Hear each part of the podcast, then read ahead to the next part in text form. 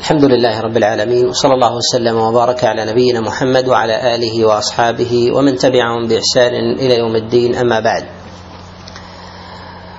فإن الله سبحانه وتعالى قد أكرم هذه الأمة ببيان المحجة وبيان السبيل ووضوح الطريق وكلما كانت الأمة أوضح طريقا كانت عند الله عز وجل احظى وأقرب وكلما بعدت من جهة سلوك السبيل فهذا أمارة على على عدم وضوح سبيلها. والله جل وعلا قد جعل الناس على محجة بيضاء ليلها كنهارها لا يزيغ عنها إلا هالك. والمراد بذلك أن الله سبحانه وتعالى قد جعل كرامة هذه الأمة لها أثر على عاقبتها. والمراد بذلك أن وضوح السبيل والمراد بذلك أن وضوح السبيل الذي جعله الله عز وجل في كتابه العظيم وفي سنة رسول الله صلى الله عليه وسلم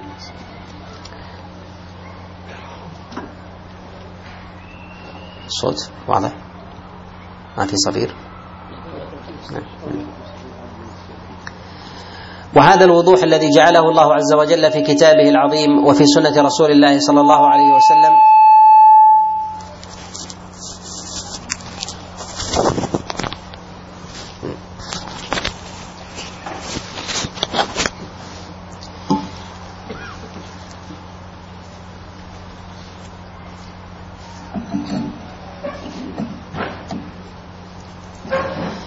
وهذا الوضوح الذي جعله الله سبحانه وتعالى في كتابه العظيم وفي سنة رسول الله صلى الله عليه وسلم يتضح أثره في افعال في أفعال الأتباع والمنقادين لهديه عليه الصلاة والسلام. ويتضح ذلك أثره أيضا بالعاقبة التي جعلها الله جل وعلا في الجنة لمن لمن انقاد واتبع. ولهذا كانت أمة محمد صلى الله عليه وسلم أكثر الأمم وذلك ما كان ليكون إلا لأن هذا السبيل أوضح السبل ولكن ينبغي أن نعلم أن المخاطب إذا وضح له السبيل واتضحت له الحجة والبينة فإن العقاب عليه إذا خالف أعظم وأشد. وهذا يعلم بالعقل ويعلم بالنقل وذلك أن الإنسان إذا خاطب أحدا ووضح له العبارة واعاد عليه الحجة وكررها عليه وهو حاضر الذهن فإن عقابه إذا خالف أعظم من عقاب غيره ممن يتكلم معه بكلام مجمل أو أتاه عبارة واحدة من غير يقظة وانتباه وهذا أمر معلوم. ولهذا ينبغي أن نعلم كما أن الأمة مرحومة بكثرة دخولها في الجنة فليعلم أن هذه الأمة من خالف أمر الله سبحانه وتعالى فيها فإنه أسوأ حالا ممن يخالف أمر الله جل وعلا من الأمم السابقة كبني إسرائيل وغيره. ولهذا نقول إنه ينبغي للإنسان أن يلتمس مواضع الحجة في كلام الله وكلام رسول الله صلى الله عليه وسلم حتى يتضح له السبيل ويسلم له الطريق وتحسن له العاقبة. فإذا كان كذلك كان من أهل النجاة والفوز والتمكين في الأرض وكذلك الثواب العظيم عند الله سبحانه وتعالى. في هذا المجلس كما في العنوان المذاع هو الفتنه حقيقتها والموقف منها أو كيفية التعامل معها. هذا الموضوع إذا أردنا أن نتكلم عليه بجميع جوانبه اصولا وفروعا فإننا نحتاج إلى مجالس متعددة وذلك لأهميته من جهة معناه وأهميته من جهة أثره على الإنسان فردا وكذلك أثره على الأمة عموما وتباين مقاصد الشرع في كلام الله وكلام رسول الله صلى الله عليه وسلم لهذا المعنى معنى الفتنة يجعلنا يجعلنا بالأهمية أن نبين هذه المقاصد ولو على سبيل الإجمال حتى يكون الإنسان على بينة. إن الفتنة إذا أراد الإنسان أن ينظر إليها غالبا ما يجعلها في أبواب الخير في ظاهره في أبواب الشر في ظاهرها. ولكن الله جل وعلا قد يبلو الإنسان بالخير ولهذا قال الله جل وعلا ونبلوكم بالشر والخير فتنة أي أن الله سبحانه وتعالى قد يبتلي الإنسان بشيء من الخير يظنه في ظاهره خيرا ولكن الله جل وعلا أراد به شرا ابتلاء وامتحانا واختبارا. ولهذا الله سبحانه وتعالى أمر نبيه عليه الصلاة والسلام أن يستعيذ من بلاء الخير ومن بلاء الشر لأن كله فتنة. وأعظم ما يرزق الله جل وعلا عباده في هذه الدنيا من خير هو المال والبنون وقد سماها الله جل وعلا فتنة أيضا. سماها في موضع أنها خير ما يؤتى الإنسان في مواضع متعددة من كلام الله وفي كلام رسول الله صلى الله عليه وسلم. بل إن النبي عليه الصلاة والسلام قد جعل خير متاع الدنيا هي النساء وسماها الله جل وعلا والنبي عليه الصلاة والسلام فتنة فتنة الرجل في أهله وولده وماله. وهذا يجعلنا نبين أن الفتنة إذا أرادها الله سبحانه وتعالى بعبد مكر له في أمر الشر أو مكر له في أمر الخير و وأرداه سبحانه وتعالى. ولهذا ينبغي للإنسان أن يكون على بصيرة بحقائق الشرع ملتمسا رضا الله جل وعلا أن يكون أيضا صادقا مع الله سبحانه وتعالى في التماس الخير. بالتماس المعاني التي يريدها الله سبحانه وتعالى. الفتنة في لغة العرب المراد بها الابتلاء والاختبار بجميع أنواعها وهي الامتحان الذي يهز الإنسان سواء كان خيرا أو شرا. طلب الإنسان له كان من أمور الخير أو ساءه فأي تغير يطرأ على الإنسان يعقبه شيء من التغير فإن هذا من أنواع الفتنة التي حذر الله عز وجل منها. لهذا ينبغي أن نعلم أن الفتنة التي يفهمها العامة ويجعلونها في أبواب الشر وكذلك الآلام والمصائب وغير ذلك هذا من المعاني الخاطئة أو هو بتر لمعنى الفتنة التي أرادها الله سبحانه وتعالى في كتابه العظيم. الله جل وعلا أطلق أمر الفتنة في كل ما غير حال الإنسان أو جعله يضطرب وتتغير حاله على أي وجه كان. حتى لو كان إلى الأمر الأخير فإن الإنسان ربما يتغير حاله من غنى من غنى من فقر إلى غنى فإن هذا من أمر الفتنة لينظر الله عز وجل في أمره هل يشكر الله جل وعلا أو أن الله جل وعلا جعل إصلاحه في الفقر ثم أغناه ليفسد حتى يختبر الله جل وعلا أمره وحاله هل يؤوب إلى هل يؤوب الإنسان إلى الله جل وعلا؟ لهذا نقول إن معنى الفتنة في كلام الله هو الابتلاء والاختبار على أي وجه كان فإن فهم هذه الحقيقة تؤدي إلى فهم فهم تعامل الإنسان معها تعامل الإنسان مع مع الفتنة هو فرع عن تصور حقيقتها وفهم أيضا عن تعامل رسول الله صلى الله عليه وسلم مع أنواعها أصلا وفرعا مع أنواعها فيما يتعلق بالأمة عامة ومع أنواعها فيما يتعلق في الافراد لهذا ينبغي للإنسان أن يسبر كلام الله جل وعلا وكلام رسول الله صلى الله عليه وسلم في أمر الفتنة. وإذا قلنا إن الفتنة في لغة في لغة العرب هي الامتحان والاختبار والابتلاء الذي ينزله الله جل وعلا بعبده على أي وجه كان. هذا يجرنا إلى أمر مهم وهو أن ما يذكره الله جل وعلا من معاني الفتنة واشتقاقاتها في كتابه العظيم وكذلك في كلام رسول الله صلى الله عليه وسلم أن هذه المعاني التي يذكرها الله جل وعلا متداخلة بينها شيء من العموم وشيء من الخصوص. وهذا العموم والخصوص في كلام الله سبحانه وتعالى تستطيع معه أن ترجع. أنا لدي اقتراح يا شيخ. أن القهوة تعطل الأخوان يعني إما أن تكون قبل أو تكون بعد. أليس كذلك؟ نعم نعم. أي نعم. إجماع إجماع سكوتي. نعم نعم. إدراك إدراك مقاصد الله جل وعلا في كتابه العظيم في مراده في الفتنة وكذلك في سنة رسول الله صلى الله عليه وسلم يفيد الإنسان في التعامل معها ولهذا نقول دائما أن الإنسان إذا أراد أن يحسن التعامل مع الشيء فليعرف حقيقته. فإنه إن جهل حقيقته فإنه يسيء التعامل معها معها وبقدر جهله لتلك الحقيقة يجهل الإنسان التعامل معه. ولهذا قيم الأشياء تتباين سواء كانت جواهر أو ذوات أو كانت من المعاني مما لا جسم له ولا جرم. الإنسان إذا جهل جهل القيمة لا يحسن أن يتعامل معها ولهذا قد جاء في السنن وكذلك أخرجه مسلم في المقدمة في حديث عائشة لما جاء رجل إلى عائشة عليها رضوان الله تعالى فله هيئة فأجلسته وأعطته فلما جاء رجل آخر فأعطته كسرة فقيل لها في عائشة في ذلك فقالت عائشة عليها رضوان الله قالت أمرنا رسول الله صلى الله عليه وسلم أن ننزل الناس منازلهم. هذا الإنزال ما كان ليكون من عائشة إلا وقد عرفت حقائق حقائق الناس. ولهذا ينبغي أن نعلم أن الحقائق التي تكون تكون في الذوات يتفرع عنها أشياء كثيرة متعدية، متعدية في ذات الحقيقة التي كانت في في ذلك الشيء أو ردود الفعل في تعامل الناس مع ذلك مع تلك الحقيقة، لهذا ينبغي للإنسان أن يعرف مواضع الإطلاق في كلام الله جل وعلا ومواضع التخصيص كذلك في سنة رسول الله صلى الله عليه وسلم. الفتنة في كلام الله جل وعلا لا تخرج عن المعنى عن المعنى اللغوي. فكل شيء كما تقدم أحدث اختبارا وابتلاء في الإنسان وجعله يضطرب وتتغير حاله ظاهرا وباطنا فهذا نوع من الفتنة. فهذا نوع نوع من الفتنة. ولهذا يفتن الذهب بوضعه على النار حتى يصاغ وكذلك أيضا إذا صيغ بعد ذلك فإنه يفتن. وربما تغيره أيضا من سائر إلى جماد يسمى يسمى فتنة لأن هذا نوع من تغير تغير الجوهر من شيء من حال من حال وصورة إلى إلى أخرى. إن الله سبحانه وتعالى ذكر الفتنة في كتابه العظيم على مواضع متعددة أهمها ما اطلقه الله جل وعلا وأراد به الكفر وهو أعظمها ولهذا يقول الله جل وعلا والفتنة أكبر من القتل. المراد بالفتنة في كلام الله جل وعلا هنا هي أعظم أنواع الفتنة وهي الكفر بالله سبحانه وتعالى، وقد فسرها بذلك جماعة من المفسرين كما جاء عن عبد الله بن مسعود وعبد الله بن عباس ومجاهد بن جبر وغيرهم من أئمة من أئمة التفسير ولا خلاف عندهم في هذا في هذا المعنى.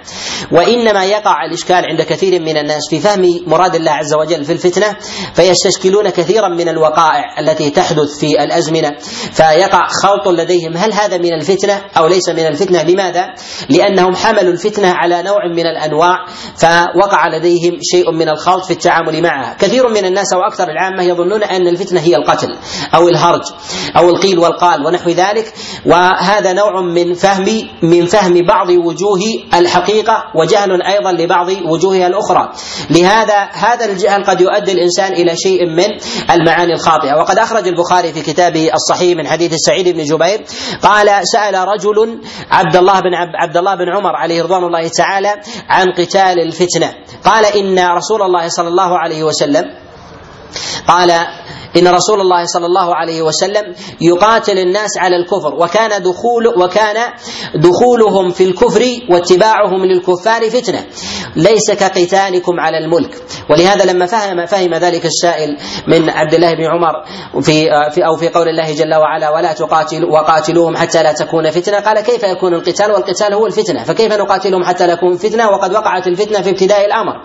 فبين له عبد الله بن عمر عليه رضوان الله تعالى أن مراد الله عز وجل بذلك هو الكفر وأن دخولهم في ملة الكفار هو هو الفتنة بحقيقتها.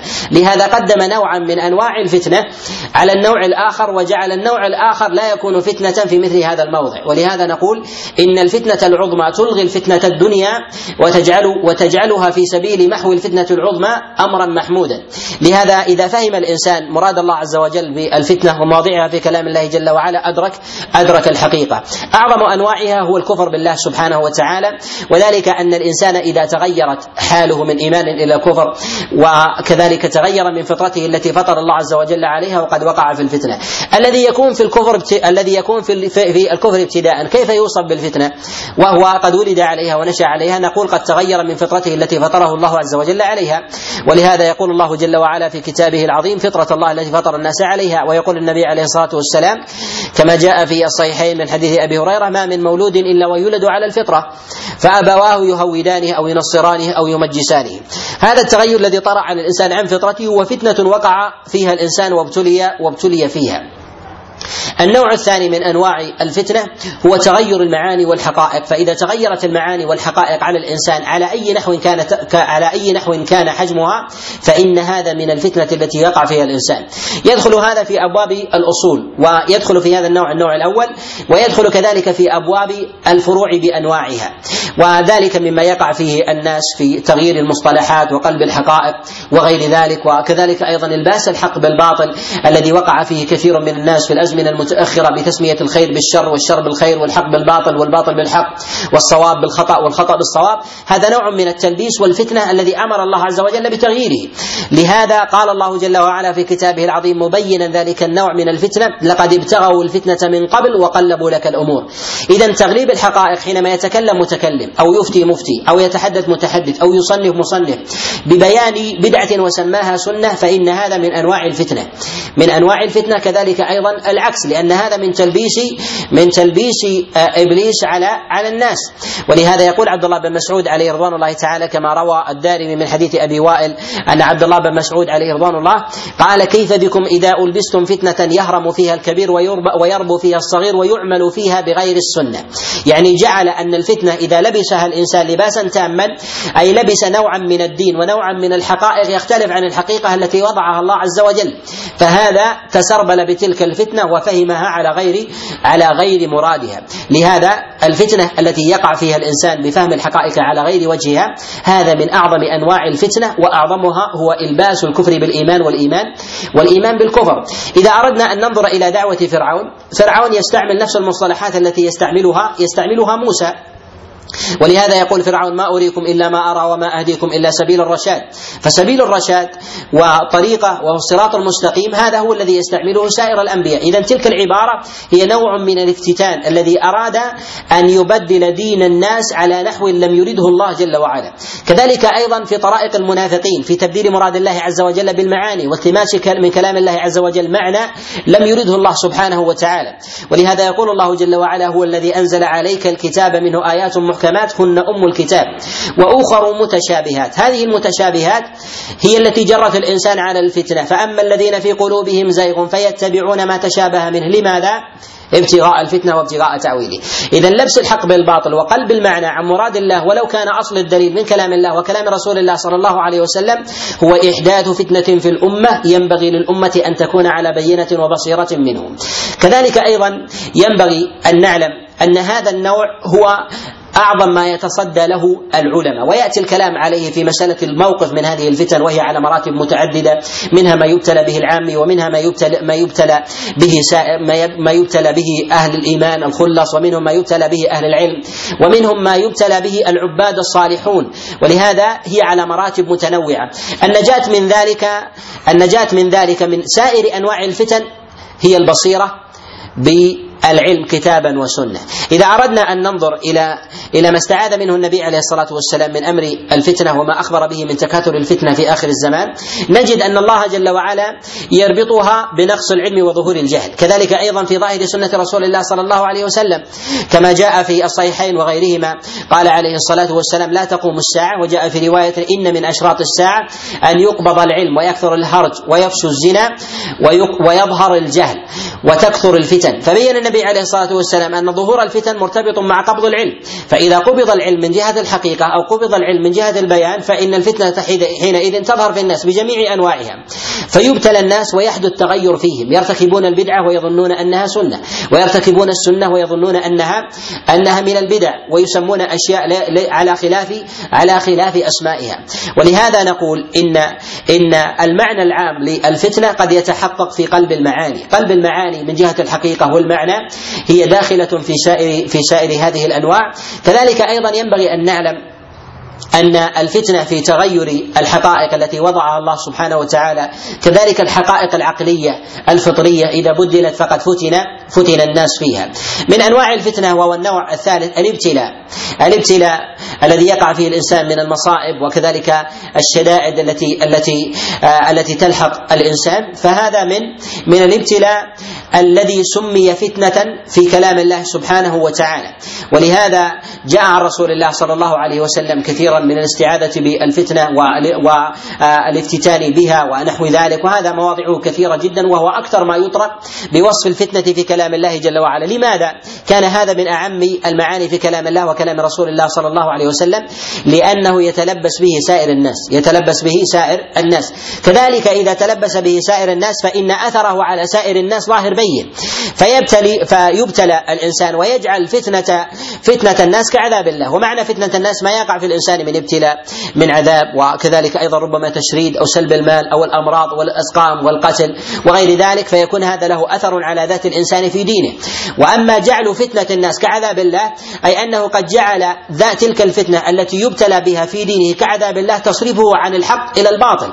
فالله جل وعلا إذا أراد أن أن يحذر عبدا حذره من عقابه سبحانه وتعالى. فينصرف عن عمل قصده إلى عمل آخر أراده الله جل وعلا ليسلم يسلم فالذي ينفر من البلاء الذي ينزله به البشر قد وقع في الفتنة لأنه قد جعل فتنة الناس كعذاب الله. وهذا نوع من وهذا نوع من الافتتان الذي حذر الله عز وجل من الوقوع من الوقوع فيه. والنوع الرابع في ذلك هي فتنة الإنسان فتنة الإنسان في النعيم وهي ما تسمى فتنة الإنسان في أهله فتنة الإنسان في أهله وولده وماله وهذا هو النعيم. الله سبحانه وتعالى يقول في كتابه العظيم كل نفس ذائقة الموت ونبلوكم بالشر والخير فتنة. الله سبحانه وتعالى ذكر بلاء الإنسان بالموت وبين أن تلك المصائب في, في أن الإنسان يبتلى بقبض النفس بقبض نفسه أو يبتلى بقبض نفس غيره وبلاؤه بقبض نفسه لأن ذلك يفضي إلى فتنة القبر. والنبي عليه الصلاة والسلام والسلام قد استعاذ كما جاء في الصحيح قال اللهم إني أعوذ بك من فتنة القبر ومن عذاب القبر ومن فتنة النار ومن عذاب النار فثمة فتنة يفضي إليها. كذلك أيضا في في الاحتضار نوع من البلاء الذي ينزل على الإنسان فربما أفضى به إلى شيء من القنوط ولا يقنط من رحمة الله الا إلا من سلب الإيمان والعياذ والعياذ بالله. لهذا نقول إن ابتلاء الإنسان بشيء من الخير هذا أيضا له وجه من الخطورة باعتبار أن الناس لا يدركون هذا يظنون أن الفتنة هي سلب المال، سلب الولد، سلب الخير والرزق الذي يؤتاه الإنسان، بل إن المال قد يكون قد يكون فتنة للإنسان، قد يكون فتنة للإنسان فينبغي له أن يحذر من ذلك، ولهذا قال الله جل وعلا مبينا بعد أن بين أن قبض الأرواح ابتلاء من الله جل وعلا ان أنه ينبغي للسامع ألا يظن أن الفتنة من هذا النوع من البلاء، بل إن الله جل وعلا يقول: ونبلوكم بالشر والخير فتنه، أي أن الله سبحانه وتعالى ربما أعطى الإنسان شيئا من من أنواع الفتنة وهي على مراتب متعددة. أعظم هذه المراتب ظهورا ظهورا أن الخير إذا أعطاه الله جل وعلا الإنسان فصرفه ذلك الخير عن شيء من معاني من معاني الحق فإن هذا من الفتنة التي يقع فيها الإنسان. كأن يكون الإنسان مثلا مصليا صائما قائما فرزق مالا أو رزق ذرية فقلت عبادته وقلت دعوته أو قل إيمانه أو قلت صلاته أو قل تسبيحه وذكره فهذا نوع من الافتتان الذي يقع فيه يقع فيه الإنسان. النبي عليه الصلاة والسلام قد مر به كما جاء في في كما جاء في حديث عبد الله بن بريدة عن أبيه قال قام رسول الله صلى الله عليه وسلم خطيبا خطيبا على المنبر فقدم الحسن والحسين يعثران وعليهما ثوبان أحمران يعثران بثوبيهما فنزل رسول الله صلى الله عليه وسلم من المنبر فحملهما فوضعهما عليه فقال صدق الله إنما أموالكم وأولادكم فتنة. هذا المقدار من الفتنة. ما الذي قصده النبي عليه الصلاة والسلام؟ قصده أن ثمة قدر لا يدركه إلا من من كان من هو في مقام النبوة أو من ورثة الأنبياء وهو الذي يدرك معنى دقيق يصرف الإنسان عن شيء عن شيء فاضل إلى شيء مفضول. النبي عليه الصلاة والسلام نزل إلى نزل إلى الحسن والحسين وترك الخطبة وهذا معنى دقيق. لا يفوت خيرا فالصحابة ينتظرون. ولكن هذا المعنى الدقيق هو الذي الذي أدرك النبي عليه الصلاة والسلام أنه قد ابتلي به وفتن عليه الصلاة والسلام. الله عز وجل قد يفتن نبيا من أنبيائه. ولهذا قال الله عز وجل ولقد فتنا سليمان. فتنا سليمان وألقينا على كرسيه جسدا ثم انام والفتنة تقع على نبي كما تقع على غيره ولكن مقدار الفتنة على النبي أمر دقيق يدركه النبي من جهة إدراك معناه ومن جهة أثره عليه ولو كان أمرا دقيقا. مثل هذا الأمر لو وقع من أحد الناس ولو من العباد لما أدرك معناه. ولكن النبي عليه الصلاة والسلام لما كان الكمل من العباد يدركون أن الفت أن فتنتهم في ذلك هو أن يصرف عن معنى فاضل ولو لمعنى دقيق أو لحظات يسيرة إلى شيء مفضول. ولو كان ذلك في ذاته له معنى من جهة الحقيقة. بعض الناس وخاصة المتعلمين أو المثقفين ونحو ذلك. في أبواب الفاضل والمفضول يقعون في الفتنة ويتلبسون فيها كثيرا. وسبب الوقوع في الفتنة هو الجهل بين حقائق الأشياء. الأشياء بين حقيقة. إذا جهل الإنسان أحدها وقع في الفتنة لأنه جهل المقدار الفارق بين بين الشيئين. والمقدار الفارق بين الحقيقتين يجعل الإنسان يقدم أحدها على الآخر ربما لحظ خارج عن تلك الحقيقتين ويظن أنه نظر إلى الحق متجردا. وهذا من المعاني التي ينبغي للإنسان أن يكون على بصيره على بصيرة فيها. العلماء يفتنون. العلماء يفتنون. الصالحون. طلاب العلم. مهما بلغ الإنسان من العلم ربما يفتن بشيء من أنواع الفتنة. وهو وسبب ذلك أن الإنسان ينصرف أو يستجلب أو ربما يستدعي الشيطان لديه النصوص من كلام الله وكلام رسول الله صلى الله عليه وسلم في فضائل في فضائل شيء بذاته بعيدا عن مقارنته بغيره في أيهما أفضل زمانا ومكانا وحقيقة. ثم يقدم غيره إذا فصله عن تركيبه عن تركيبته تلك فيقدم غيره فيقع في شيء من الافتتان. فيقع في شيء من الافتتان لا يدركه الإنسان. واذا وإذا نظر إلى ما قدم ونظر إلى النصوص من الكتاب والسنة سلى نفسه أنه مشغول بشيء من الصالحات أو مشغول بشيء من المعاني العظيمة الجليلة وقد ورد فيها كذا ورد فيها كذا هذا نوع من تلبيس إبليس على على العلماء وعلى المثقفين وعلى أهل المعرفة والعقل والدراية. لهذا نقول إن أنواع الفتنة على على مراتب على مراتب متعددة. ولهذا الإنسان يبلى من يبلى بالفتنة ايا كانت مرتبته. يقول عبد الله بن مسعود كما روى ابن جرير الطبري من حديث القاسم قال عبد الله بن مسعود في قول الله جل وعلا واتقوا فتنة لا تصيبن الذين ظلموا منكم قال ما من منكم أحد إلا إلا وهو مشتمل على الفتنة. وإلا وهو مشتمل على الفتنة. ومراده بالاشتمال أن هذه المعاني من الفتنة لا يدركها الإنسان من جهة حقيقتها يخلط في أبواب المفاضلة ينظر بعين واحدة إلى جزئية معينة أما من جهة ترك تلك لأجل تلك ومقدارها في الشرع مقدارها من جهة الزمن والحال ومقتضى أيضا ومقتضى الكلام والقول أو العمل فإن هذا من من تلبيس إبليس ربما على كثير على كثير من الصالحين. ابتلاء الله عز وجل لعبده بالخير والشر هذا أمر معلوم ومشاهد.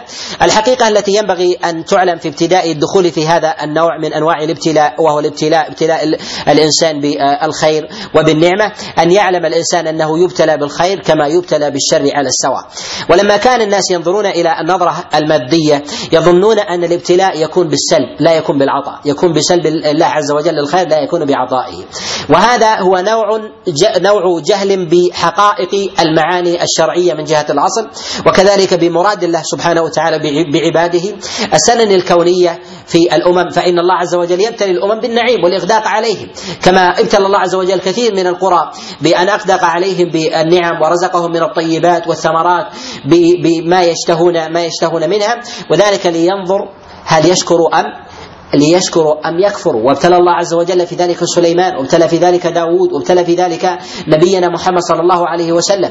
ولهذا نقول إن الإنسان لهذا نقول إن الإنسان قد يبتلى بالخير فلا يصبر ولا يستطيع الصبر. وقد يبتلى بالشر ويستطيع ويستطيع مع ذلك الصبر. ومن نظر إلى حال رسول الله صلى الله عليه وسلم وجد أنه يتقلل من الدنيا.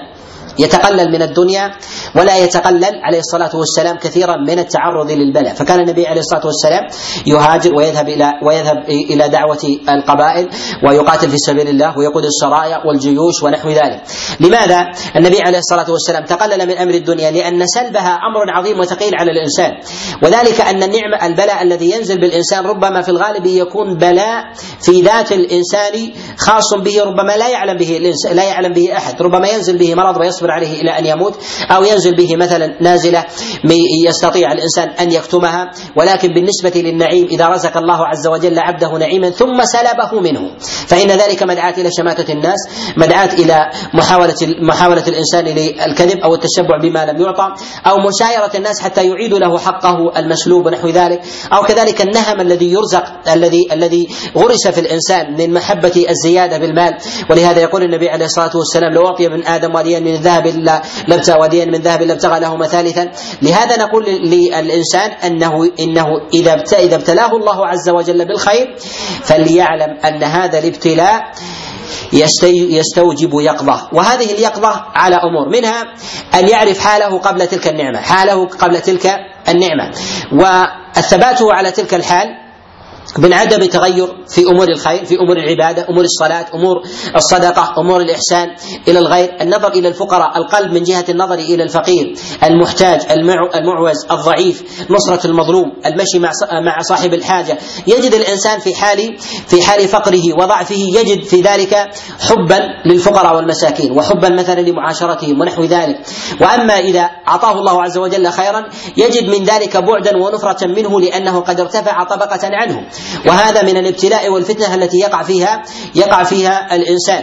ليصرف الله عز وجل عبده إما إلى خير واما وإما إلى شر. ولهذا الإنسان الذي يؤمن بقضاء الله عز وجل وقدره يؤمن بحكمة الله سبحانه وتعالى يؤمن بمكر الله عز وجل أن الله عز وجل إذا قدر له في ذاته أراد به خيرا فعليه أن يستغل الخير لصالح لصالح نفسه. وأنه إذا سلبه خيرا أن الله عز وجل أراد به خيرا أيضا. قد جاء من حديث عبد الله بن مسعود عليه رضوان الله تعالى آه، كما روى الحاكم وغيره وجاء عند ابن عساكر أيضا. قال عبد الله بن مسعود عليه رضوان الله تعالى قال إن الرجل لا يحرص على الشيء من الإمارة والتجارة حتى يدنو منها حتى يدنو منها ثم يأمر الله عز وجل ملكا أن ائت عبدي فلان فاصرفه عن ذلك الخير فإني إن أيسره له يدخل النار فيصرفه الله عز وجل عنه فيتظنى العبد فيقول غلبني فلان. غلبني فلان غلبني فلان وما هو إلا الله صرفه عنه لهذا الإنسان في أبواب الخير وأبواب الشر عليه أن يعلق أمره بالله سبحانه وتعالى من جهة أبواب الخير ومن جهة أيضا سلب الخير الضراء التي تلحق بالإنسان ان الله عز وجل أراد أراد به أراد به به خيرا. هذا اليوم يحدثني أحد أحد الأطباء في معنى لطيف وهو ربطته بأمر الفتنة وهو أن الإنسان قد يبتلى بمرض ويدفعه الله عز وجل عن شيء عن شيء عظيم. وذلك أن أن أحد الأطباء يقول أن الإنسان يقول وجد عندي مريض وهذا المريض قد ابتلي ابتلي بالسمنة المفرطة. وهذه السمنة أوشكت أن تؤثر على أمر أمر القلب لديه وأنه يوشك إذا زاد يعني بضع كيلوات من من وزنه أن ذلك يودي يودي بحياته. فأصابه مرض وهو لا يعلم بهذه الحال. فأصابه مرض هد من وزنه هد من وزنه وأسقط وقد حرص حرصا شديدا على إسقاط إنقاص الوزن فلم يستطع. أصيب بهم ومصائب في حول في في ماله وذهبت شيء من ثرواته وتأذى من ذلك أذية كثيرة. نزل من وزنه شيئا كثيرا ثم عادت له عافيته. الله عز وجل يأخذ من عبده شيئا ويعطيه شيء. وكم من بلاء في الإنسان لا يدرك حقيقته ينزل الله ينزل الله عز وجل عليه بلاء آخر ليدفع عنه ضراء. باطنة لا يدركها. ولهذا الله عز وجل يدرك من أمر عبده ما لا يدرك الإنسان من أمر ذاته. ولهذا الله عز وجل أمر الإنسان أن يبصر بنفسه وفي أنفسكم أفلا تبصرون. الإنسان إذا كان يجهل ذاته فكيف يعلم غيره؟ ولكن الله عز وجل أراد بقوله وفي أنفسكم أفلا تبصرون إشارة إلى حقيقة أنك تجهل ذاتك وتجهل نفسك فإذا جهلت ذاتك فإنك لغيرك من الأمور المنفكة عنك من باب أولى من أمر من أمر الجهالة. لهذا إذا نظر الإنسان إلى قضاء الله عز وجل وقدره إذا نظر الإنسان إذا نظر الإنسان إلى إلى الخير أن الله عز وجل يبتليه به ابتلاء لينظر حاله أيشكر أم يكفر؟ فإن فإن الإنسان يستطيع أن يتعامل مع الخير تعاملا حسنا ويوفق ويسدد ويسدد في ذلك تسديدا تسديدا عظيما. أما ما يتعلق في مسألة التعامل مع الفتنة في حال نزولها في الإنسان أو في حال نزولها في الأمة الفتنة قد تعم وقد تخص. والفتنة قد تقع في الفرد وقد تقع في الفردين قد تقع في العائلة ويسلم منها البقية أو تقع في الأمة ويسلم منها فرد وعائلة أو تسلم منها أحياء ومدن وبلدان. والله عز وجل يعمم ويخصص لحكمة عظيمة لا يعلمها إلا هو سبحانه وتعالى ومن أراد من عباده من عباده سبحانه سبحانه وتعالى. لهذا نقول إن الوقوف ومعرفة الفتنة ومعرفة الفتنة الفتنة في ذاتها هو من أعظم ما, ما يعطي الانسان ما يعطي الإنسان آه، قدره على التعامل معها وهذا هو اول أول علاجها.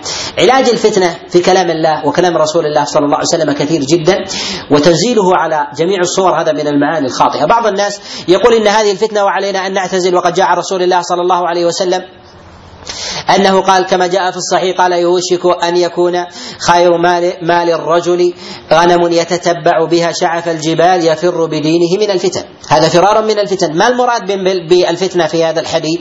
هل الفرار من الفتن من جميع أنواعها؟ يفر الإنسان مثلا من الرزق الذي أتاه الله عز وجل إياه. يفر من الأمراض والإسقام. يفر من القتل. يفر من الكفر. يفر من تلبيس من تلبيس الحق بالباطل. ما هي المعاني التي التي قصدها الله عز وجل هنا وأرادها رسول الله صلى الله عليه وسلم بعض العامة يحمل بعض المعاني على معاني مطلقة أو يحمل المعاني المطلقة على معاني خاصة فيقع في الخلط في أبواب في أبواب الفتنة.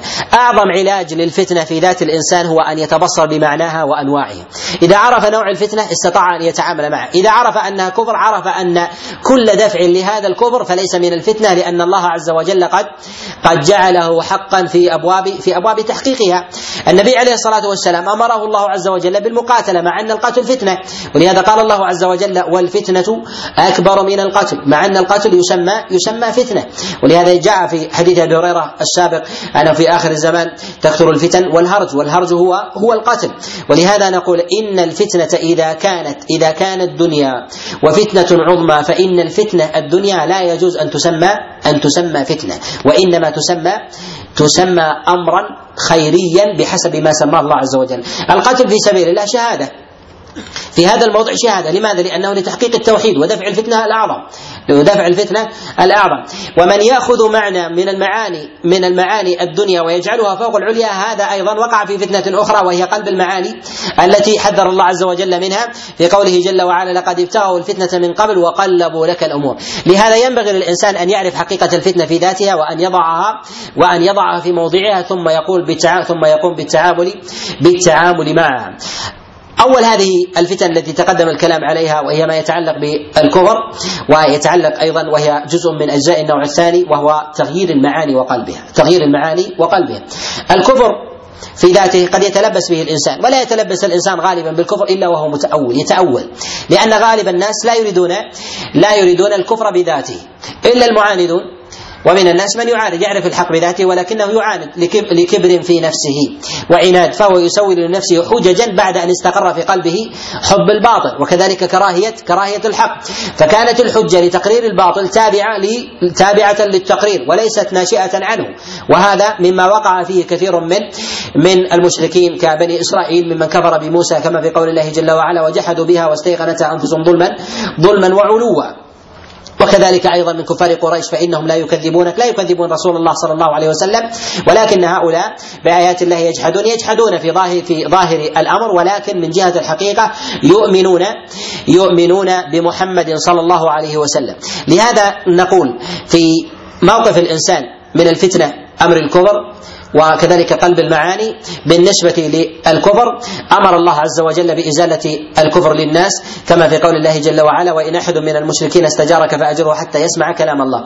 كذلك أيضا من وجوه درء تلك الفتنة هي المقاتلة وهو الجهاد في سبيل الله كما قال الله جل وعلا وقاتلوهم حتى لا تكون فتنة. أمر الله عز وجل بمقاتلة المشركين حتى لا تكون فتنة فتنة في الدين. فسمى الفتنة هي الكفر وجعل ذلك القتال هو قتال في سبيله سبحانه وتعالى.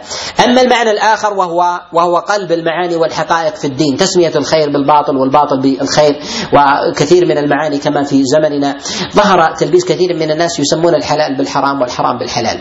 وظهر التمسك بأقوال شاذة كثيرة جدا تظهر بين فينة وأخرى وتشريعات باطلة قد استقر عليها الإجماع وهذا من أعظم الفتن. وهذا من أعظم الفتن. ما الموقف من هذي من هذا المعنى؟ هل الموقف من هذا المعنى هو أن يفر الإنسان بدينه من الفتن؟ نقول لا يفر الإنسان بدينه من الفتن. الموقف من هذا هو أن يدرأ تلك الفتنة ببيان الحق ببيان الحق فيها الذي أمر الله عز وجل أمر الله عز وجل ببيانه. وهي الفتنة التي ابتغاها من في قلبه زين ابتغاء الفتنة وابتغاء تأويله. وما يعلم تأويله إلا الله والراسخون والراسخون في العلم. إذا الراسخون في العلم هم الذين يعلمون التأويل فيجب عليهم حينئذ فيجب عليهم حينئذ البيان.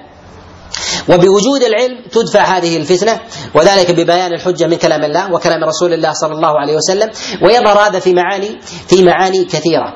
ويجد الإنسان في في كلام كثير من الناس بل ربما بعض طلاب العلم التي يرى حقائق كثيرة جدا تبدل في كلام الله وكلام رسول الله صلى الله عليه وسلم. مسائل قد استقر عليها الإجماع سابقا سابقا من أئمة السلف من الصحابة والتابعين ثم بدأت تنقلب كثير من الأمور ويحكى في ويحكى الاجماع إلى خلافها أو ربما يحكى على أنها على الأقل الأحوال أنها من الاقوال المعتبره ونحو ذلك وهذا من أنواع الفتنة الذي التي بين رسول الله صلى الله عليه وسلم أنها تقع في في الأمم في الأزمنة اللاحقة. من علاج هذه الفتنة فيما يقع للناس أن المؤمن إذا استقر في قلبه بمعرفه أنواع الفتنة كذلك معرفة الوقوع لها فإن هذا يرزقه طمأنينة في النفس. طمأنينة في النفس. الإنسان إذا علم مثلا إذا كان مسافرا من مكة إلى المدينة من مكة إلى المدينة وكان لديه مثلا بلاء مثلا في طريقه يعلم ذلك البلاء وهو أن الطريق مثلا مبتور أو مهدوم أو يوجد أنفاق مثلا مكسرة أو يوجد مثلا حوادث أو نحو ذلك. يتوقع إذا رأى الحوادث هل يفجع؟ الفجع لديه يسير يقوم بالتعامل معها بحكمة. لماذا؟ لأن لديه علم سابق. بنو إسرائيل إنما وقعوا في الفتنة أنهم ما حسبوا ألا تكون فتنة فعموا وصموا. وحسبوا ألا تكون فتنة فعموا وصموا. أي ضلوا وزاغوا عن مراد الله سبحانه وتعالى. لهذا الإنسان الذي يتحسب للفتنة ووقوعها وأدرك ان أن الله عز وجل قد أخبر بوقوعها في آخر الزمان هذا يعطي الإنسان ثباتا على ما هو عليه وعلى الحق مهما تكاثر مهما تكاثر القائلون بذلك. ومن نظر في كلام الله وكلام رسول الله صلى الله عليه وسلم يجد أن الفتنة في الأمة متسارعة وأن الإنسان ممكن الصباح يكون على حق والمساء يكون على باطل والصباح يمكن يكون مؤمن والمساء يكون كافر. هذه العجلة المتسارعة إذا كان الصباح مؤمن والمساء كافر كفر في نصف يوم إذا بكم يفسق وبكم يبتدع؟ وبكم يدخل في الهواء. هذه جزئيات من أمور الكفر. اذا في الدقائق والثواني. وهذا المراد بذلك أن الإنسان إذا علم هذا أن التقلبات لا تعنيه تقلب فلان وانتكس فلان وانتكس العالم الفلاني وتغير وقلب ونحو ذلك. هذه فتنة عندنا خبر منها من زمان. النبي عليه الصلاة والسلام يقول كما جاء في الصحيح من حديث أبي هريرة يقول عليه الصلاة والسلام يقول عليه الصلاة والسلام بادروا بالأعمال فتنا كقطع الليل المظلم. يصبح الرجل مؤمنا ويمسي كافرا يبيع دينه بعرض من الدنيا يبيع دينه بعرض من الدنيا إذا الفتنة الذي أخبر عنها النبي عليه الصلاة والسلام سبب وقوعها ماذا؟ أنه باع الدين لديه دين هو من جهة الحقيقة لكنه تاجر به فهو يعلم أنه دين ولكنه خرج من ذلك الدين لشيء من أمر المادة لشيء من مطامع الدنيا لشيء من الشهوات لشيء مثلا من التمكين في الأرض لشيء من الرفعة لشيء من الرئاسة لشيء من المال لشيء من الحظوة لشيء من السمعة لشيء من من الذكر الحسن والرياء وغير ذلك هذه من الفتنة التي يفتن بها الإنسان. فإذا تعلقت في قلب إنسان وقع وقع في الفتنة. ولهذا رسول الله صلى الله عليه وسلم يقول بادروا بالأعمال. يعني إذا كنت في زمن ليس فيه فتنة بادر بالأعمال واغرس العمل في قلبك حتى ترسخ. وهذا من علاج رسول الله صلى الله عليه وسلم للفتنة أن الراسخ في أمر العلم والراسخ في أمر العبادة هذا في الغالب لا تضره الفتنة. لا تضره الفتنة. الذي يفتن في هذا هو عالم بلا عبادة وعابد بلا علم. عالم بلا عبادة أو عابد بلا بلا علم. وهذا أمر معلوم. واصبروا التاريخ. العباد العلماء لا يكادون ينتكسون. أما العالم قليل العبادة فينتكس بقدر نقصان أحد الأمرين منه. بقدر نقصان أحد الأمرين الأمرين منه. ولو ظهر منه في ظاهر أمره عبادة ففي باطنه قصور يعلمه الله سبحانه وتعالى. ولهذا يقول النبي عليه الصلاة والسلام كما جاء في الصحيح في قوله عليه الصلاة والسلام إن الرجل لا يعمل بعمل أهل الجنة كما في حديث عبد الله بن مسعود قال إن الرجل لا يعمل بعمل أهل الجنة حتى ما يكون بينه وبينها إلا ذراع. هل العمل في الحقيقة لله؟ ليس لله، لماذا؟ لأنه جاء في حديث سهل قال يعمل بعمل أهل الجنة فيما يبدو للناس. في الظاهر. فالظاهر يبدو للناس. التغير الذي طرأ عليه. لماذا؟ أن لديه عمل ظاهر وليس لديه عمل باطن. والله عز وجل لا ينظر كنظرة العباد ينظر إليها أنها قائمة واحدة ممزوجة. الظاهر بالباطن لها مقياس واحد. ليس كمقياسنا. ننظر إلى أمر الظاهر. لهذا النبي عليه الصلاة والسلام يقول كما في صحيح من حديث أبي هريرة قال إن الله لا ينظر إلى صوركم ولا إلى أجسامكم ولكن ينظر إلى قلوبكم. ولكن ينظر إلى القلوب التي في الصدور. لهذا نقول إن من أعظم ما يعين الإنسان على أمر الفتن والثبات فيها هو أن يكثر من العبادة ولهذا وصف الله عز وجل سائر الأنبياء بقوله وكانوا لنا عابدين أنهم عابدون فأمنهم الله عز وجل من الفتن. كذلك أيضا ينبغي أن نعلم أن الفتنة خاصة فيما يتعلق بتغير الآراء بتغير الحقائق أن هذا ربما ربما يبتلى بها أن نبي ولكن الله عز وجل يثبته يثبته بذلك. ولهذا يقول الله سبحانه وتعالى مخاطبا النبي عليه الصلاة والسلام وأن يحكم بينهم بما أنزل الله ولا تتبع أهواءهم واحذرهم أن أن يفتنوك؟ تحذير لمن؟ لرسول الله صلى الله عليه وسلم. وإن كادوا ليفتنونك عن الذي أوحينا إليك لتفتري علينا. غيره هل النبي عليه الصلاة والسلام ممكن أن يفتري؟ لا يمكن أن يفتري من جهة الوقوع، ولكن الله عز وجل بين أنه كاد لولا لطف الله سبحانه وتعالى وتثبيته لرسول الله صلى الله عليه وسلم. إذا تأمل الإنسان أمثال هذه المعاني يأخذ من جاء من ذلك جملة جملة من العبر العظيمة منها أن الإنسان مهما بلغ قدره من العلم من العلم والعبادة أن أن حمى الفتن لا بد أن تمر عليه فعليه فعليه أن يثبت وأن التثبيت من الله من الله سبحانه وتعالى. الأمر الآخر في ذلك أن الإنسان ينبغي الا يغتر بنفسه وأن يغتر بعلمه وعبادته وأن يبدي ضعفه لله سبحانه وتعالى توكلا واعتمادا عليه. وإذا أكثر من سؤال الله عز وجل الثبات وفقه الله عز وجل على الثبات. ولهذا النبي عليه الصلاة والسلام كان من أكثر دعائه اللهم مصرف القلوب والأبصار صرف قلبي على على دينك. لهذا نقول إن من أعظم ما يثبت الإنسان على الحق مهما كان قدره هو الثبات. على ذلك على على الدعاء الثبات على العلم وعلى العبادة. كذلك أيضا أن يعلم الإنسان أنه بقدر مخالطته لأهل الباطل بقدر مخالطته لأهل الباطل بقدر ما يفتن الإنسان بأقوالهم.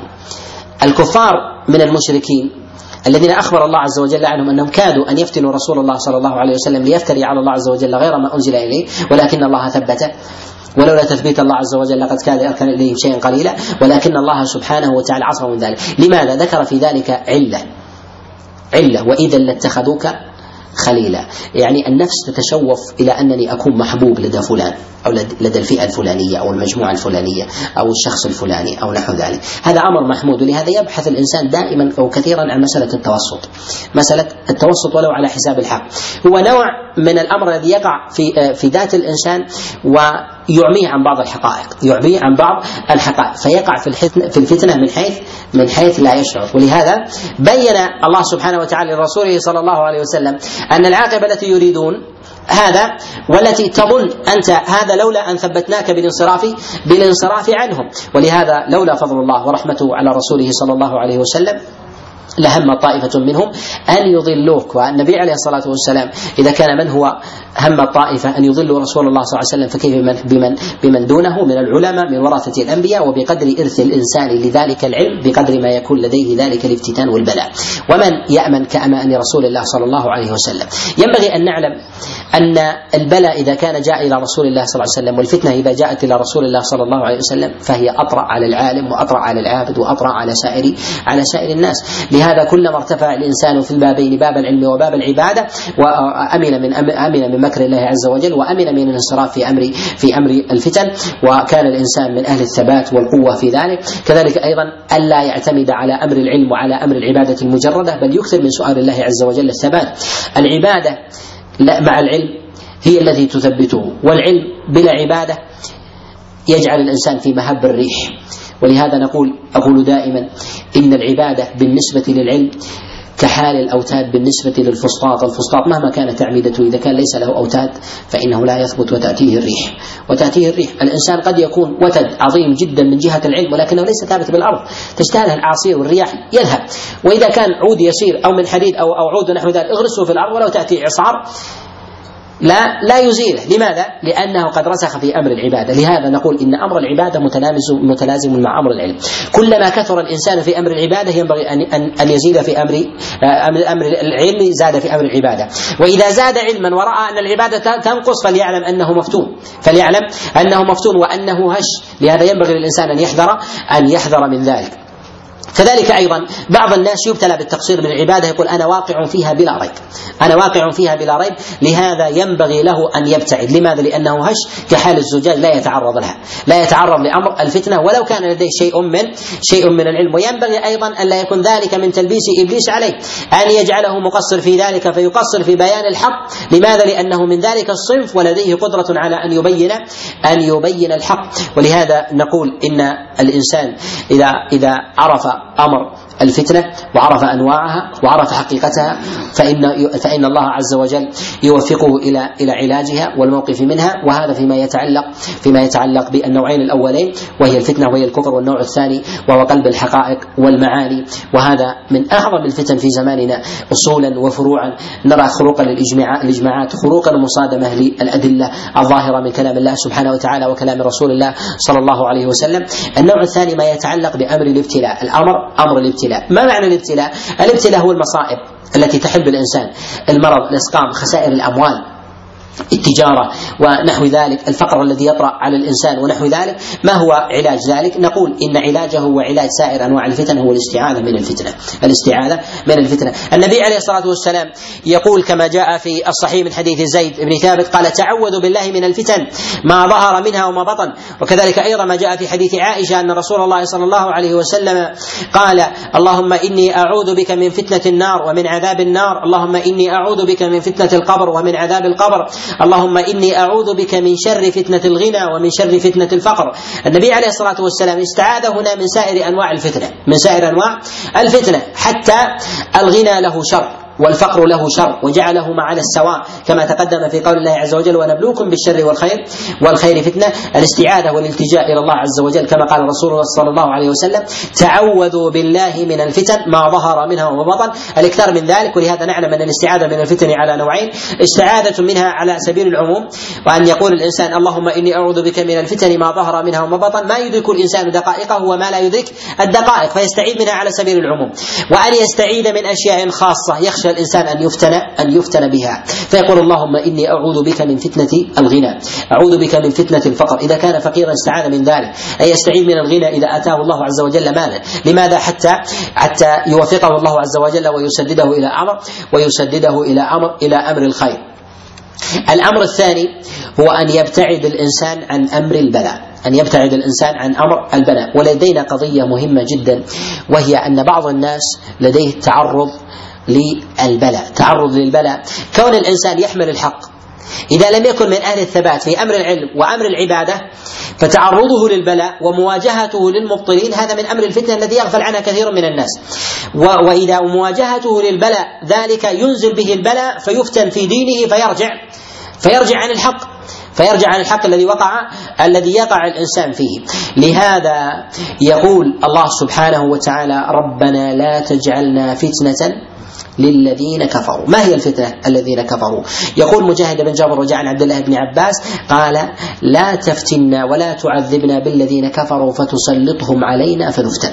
فنفتن بذلك. ويقول عبد الله بن عباس عليه رضوان الله تعالى في ذلك وقد جاء عنه من حديث من حديث علي بن أبي طلحة عن عبد الله بن عباس في قول الله عز وجل لا تجعلنا فتنة للذين كفروا. قال ربنا لا تعذبنا بأيديهم ولا بأيدينا فنفتن في ديننا. فيقول الناس لو كانوا على الحق لو كانوا على الحق ما ابتلاهم الله. وهذا من أعظم الفتن أن الناس إذا ينزل به الفتنة ينزل به الفتنة ويتعرض لها فإذا وقع فيها وجد شماتة الأعداء. لو كنت على الحق لو كنت صادقا في قولك ما نزل بك البلاء. وما نزل هذا من أعظم الفتنة الذي يرد الإنسان عن كثير من قول الحق.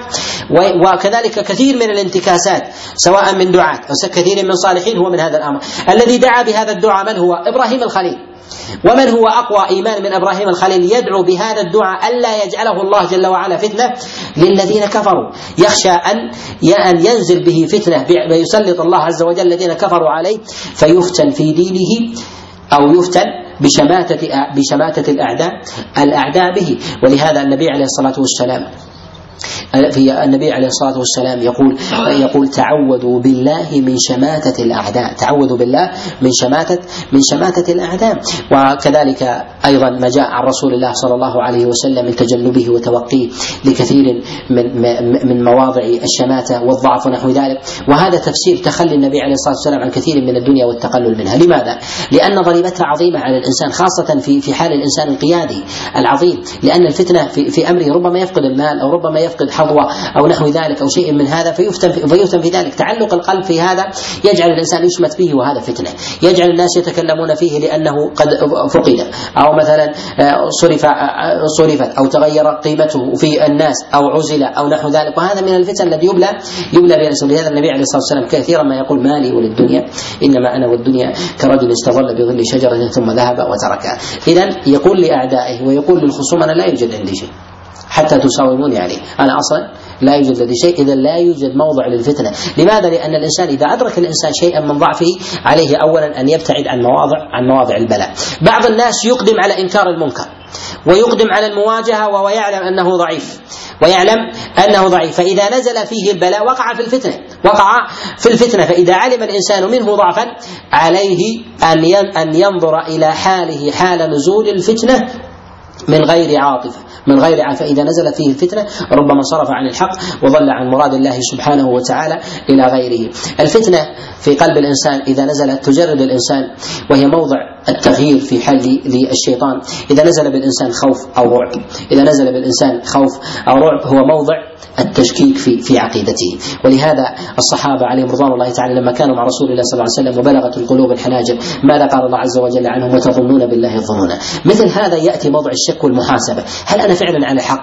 هل هؤلاء المخالفين الذين قالوا بخلاف قولي هل هؤلاء فعلا هم على صواب وأنا وأنا على خطأ؟ تبدأ مسألة المراجعات. هذا هو من أعظم مواضع الفتنة. ولهذا النبي عليه الصلاة والسلام في مواضع الخوف يلجأ والفزع والكرب يلجأ إلى ماذا؟ إلى الصلاة. ينفر منها يقيد أمثال هذه الأمور بالصلاه يلجأ إلى الله. يفزع لأن أضعف ما يكون الإنسان في أمثال هذه الأمور في حال نزول البلاء فيه هو موضع مراجعة التصحيح. ولهذا المتغيرون في التاريخ كلهم تغيروا عند الخوف لا في حال الامن في حال الخوف لا في حال الأمن. لا يوجد أحد في حال أمنه. قيل له اختر الحق والباطل واختار الحق. ولا يمكن لأحد في حال أمنه واستواء الأمرين إليه. خير بين أمرين إلا واختار الحق. فطرة فطر الله عز وجل الناس عليها. ولكن الناس يتباينون من جهة موازين الحق والباطل. لهذا نقول إن الإنسان أعظم ما يوجهه إلى أمر إلى إلى إلى مثل هذا الأمر هو ما تقدم الكلام عليه من أمر العلم والاكثار من العبادة. كذلك أيضا أن أن يبتعد عن مواضع الابتلاء. إذا نزل به ابتلاء ونزلت به مصيبة أن يلجأ إلى أمر العبادة أن يلجأ إلى أمر العبادة. لهذا رسول الله صلى الله عليه وسلم أصعب الأحوال لديه في مكة. أصعب الأحوال لديه في مكة. وأقوى وجوه التعبد لديه كانت في مكة. لماذا؟ لأن الابتلاء كان لديه عظيم. كانت سمعة رسول الله صلى الله عليه وسلم عند كفار قريش أسوأ ما تكون. أسوأ ما تكون. حتى إن ابنتين أم كلثوم ورقية يطرقان عليه الباب طلقنا. الناس لماذا؟ لسمعة رسول الله صلى الله عليه وسلم. حتى بناته لا يريدها لا يدريها الناس. يتصور الإنسان مثل ذلك. أن ابنتك تطرق عليك الباب يقول سمعتك في الناس حتى أزواجنا تركونا من وطلقونا من هذا. أليس هذا شديد على الإنسان؟ كذلك أيضا قراباته ممن حوله ونحو ذلك إذا نفروا إذا نفروا منه. ولكن الله عز وجل يخاطبه يا أيها المزمل قم الليل إلا قليلا. أكثر من قيام الليل، لماذا؟ لأنه يرسخ الإنسان، يلتجئ يشغل قلبه بالله سبحانه وتعالى، لا يسلم إلى إلى أمر التفكير، لا لا ينشغل بامر بأمر آه، بأمر آه، بأمر المراجعة وأمر التأمل في حال الخوف. عليه في حال الامن هو موضع المراجعة وهو موضع التصحيح وهو الذي ينظر فيه. ولهذا رسول الله صلى الله عليه وسلم رسول الله صلى الله عليه وسلم ما غير مبدأ وما غير شرعة إلا في حال الأمن واستقرار الحال وسلامة القلب فهذا هو التغير الصحيح. وأما في حال الفتنة والخوف فإن الإنسان أبعد ما يكون عن مراد الله سبحانه وتعالى في أمر في أمر التغيير. فإنه فإنه غير لأجل أمان في قلبه لأجل بحث عن استقرار أو نحو ذلك. وهذا لهذا نقول إن أعظم ما يتسلط الشيطان على الإنسان في أمثال هذه المواضع هي في موضع في موضع فتنة الإنسان. فتنة الإنسان بالبلاء وهذا النوع ما تقدم الكلام عليه هو الذي يبتلى, يبتلى به كثير من الناس. كثير من العامة يقولون ما لفلان وهذا القول ما لفلان وهذا الفعل ما لفلان وهذا التصرف ونحو ذلك. لماذا؟ لأن نظرتهم هي البلاء والسلامة السلامة وعدمها. أما في حال عدم السلامة فهم دائما مع الحق. ولهذا يتقلب السواد بمثل هذه القضية. ولهذا نقول أخطر أنواع الفتنة على العامة هو هذا الموضوع. وأخطر الفتنة أيضا على الخاصة من وجه هذا الموضوع. لماذا؟ لأنهم يتأثرون بالعامة. ربما نفقد الناس وربما نفقد الحظوة أو قول فلان أو مدح فلان أو ثناء فلان ونحو ذلك. وهذا من أعظم ما ما ما ما, ما يبلى به الإنسان ويفتن به عن دينه. لهذا نقول إن الإنسان إذا علق علق قلبه بالله سبحانه وتعالى وأخذ أمر الفتنة وكذلك أيضا أمر مقاومته على ما أراد رسول الله صلى الله عليه وسلم وفق وسدد وثمة أمر القضية وهي ما يتعلق بمسألة الفرار من الفتن. متى يفر الإنسان من الفتن؟ وعن أي فتنة يفر؟ وعن أي فتنة يفر؟ نقول إذا عجز الإنسان عن الأخذ بأسباب بأسباب علاج الفتنة وتقدم مسألة العلاج منها العلم منها المبادرة مثلا بالكفر كما في قول الله عز وجل وقاتلهم حتى لا تكون فتنة. إذا عجز الإنسان عن ذلك إذا عجز الإنسان مثلا عن معرفة حقائق الأشياء كأن يكون جاهلا عليه الاعتزال. والاعتزال في زماننا هذا أيضا من الأمور الصعبة لانفتاح وسائل الإعلام. وسائل الإعلام الآن مفتوحة وصلت البراري.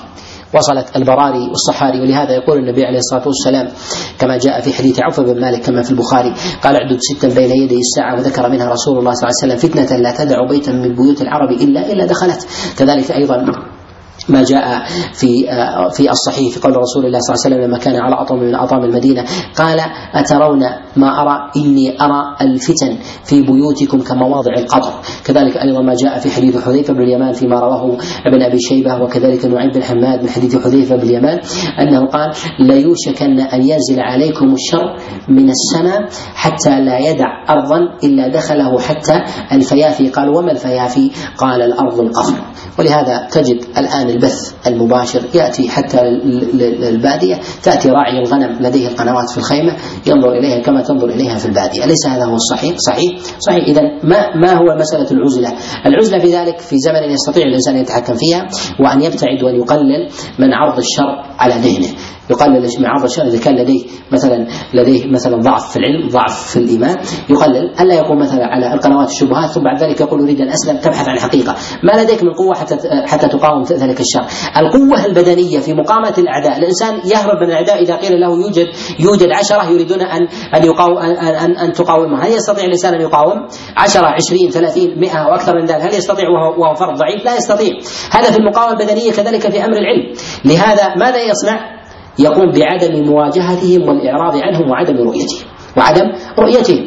ولهذا عذر الله عز وجل نبيه في حال الكثرة المتكاثرة من المشركين الا يقاتل الا يقاتل الا يقاتل ذلك لأنه أخذ أخذ بالنظر المادي وهو معتبر كذلك أيضا بالقوة العلمية. إذا كان الإنسان ضعيف في العلم يقوم بتجيش الجيوش عليه وعلى إيمانه وقلبه والعرض بالقنوات والكتابات والمقالات ونحو ذلك. ثم إذا تغير يقول أنا أنا تغيرت. تغيرت. طبعا أنت أقدم عليك من الجيش 100 ثم حطموك هذا أمر طبيعي. ولكن لو لديك حصانة علمية وقوة وبسطة في, في العلم ما استطاع أحد أن ما استطاع أحد أن أن يضله. ولكن الإنسان ينبغي أن نعلم أن النبي عليه الصلاة والسلام حينما نهى عن الإقامة بين ظهراني المشركين الآن يستطيع الإنسان أن يقيم بين ظهراني المشركين وهو بجوار الكعبة وهو النظر في أحوالهم القنوات الفضائية الآن في الجوال في في المواقع في مواقع الإنترنت وكذلك الكتب والمصنفات يقرأ في أقوالهم في رواياتهم في قصصهم في كتب فكرية في كتب إلحادية ونحو ذلك وهو عند الكعبة. إذا المراد بذلك هو مخالطة مخالطة الإقامة بين ظهرين المشركين وهم صم بكم لا. المراد التأثر بما يسمع وما يشاهد. ما يشاهد من أحوالهم وما يسمع من أقوالهم. ويتأثر بذلك. إذا كان اصما أعمى لا يسمع نقول لا ضر أن تقيم بين ظهرانين إذا ليس المراد بذلك هو الجسد المراد بذلك هو التلقي. لهذا نقول في هذا الزمن الذي نحن فيه كثير من الناس يقيم بين ظهراني المشركين وهو لا يشعر. وهو في أوساط المسلمين بل ربما في أطهر البقاع. لهذا ينبغي للإنسان أن يتوقع. هل هو خوف على الحق؟ وثمة قول يقول كثير من الناس لماذا تخافون من, من الباطل؟ لماذا لا, لا, لا, لا تناظر؟ ولماذا لا تتكلم؟ نقول يتكلم أهل العلم أهل المعرفة. أما أنت فأنت هش. كالذي يأتيه عشرة أو عشرين يقول لماذا لا تخرج ونحو ذلك أو لا تقاتل أو نحو ذلك؟ نقول كيف أقاتل وأنا ضعيف؟ ضعيف اذهبوا إلى من هو؟ إلى من هو أقوى. ولهذا نقول في في هذه المسألة فيما يتعلق في مسألة علم الإنسان وتمكنه من من الشريعة ومعرفة ومعرفة آه، مراد الله عز وجل ومراد رسول الله صلى الله عليه وسلم من الفتن وأنواعها وكذلك الشبهات والحقائق الشرعية وغيرها فإن الإنسان إذا تمكن من ذلك استطاع أن يواجه الفتن مهما تعددت إذا اعتمد على الله سبحانه وتعالى وتوكل عليه وعليه أن يقلل من منافذ الشر لديه وأن يسأل أهل العلم بذلك فإنه إن كان كذلك ابتعد عنها ووقي. كذلك أيضا فيما يتعلق في وهي مسألة مهمة أن الإنسان إذا تجرد من ذلك كله نقول ينعزل.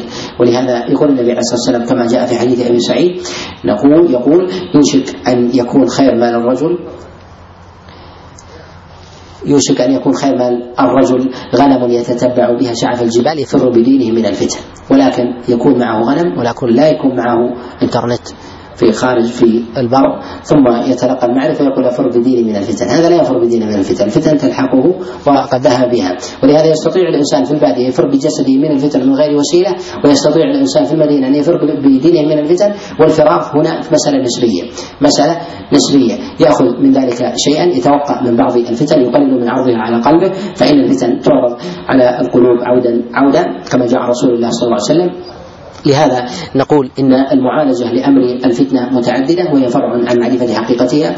فإذا تبصر الإنسان بذلك وقي الفتنة وأعانه الله سبحانه وتعالى وسدده وأرشده.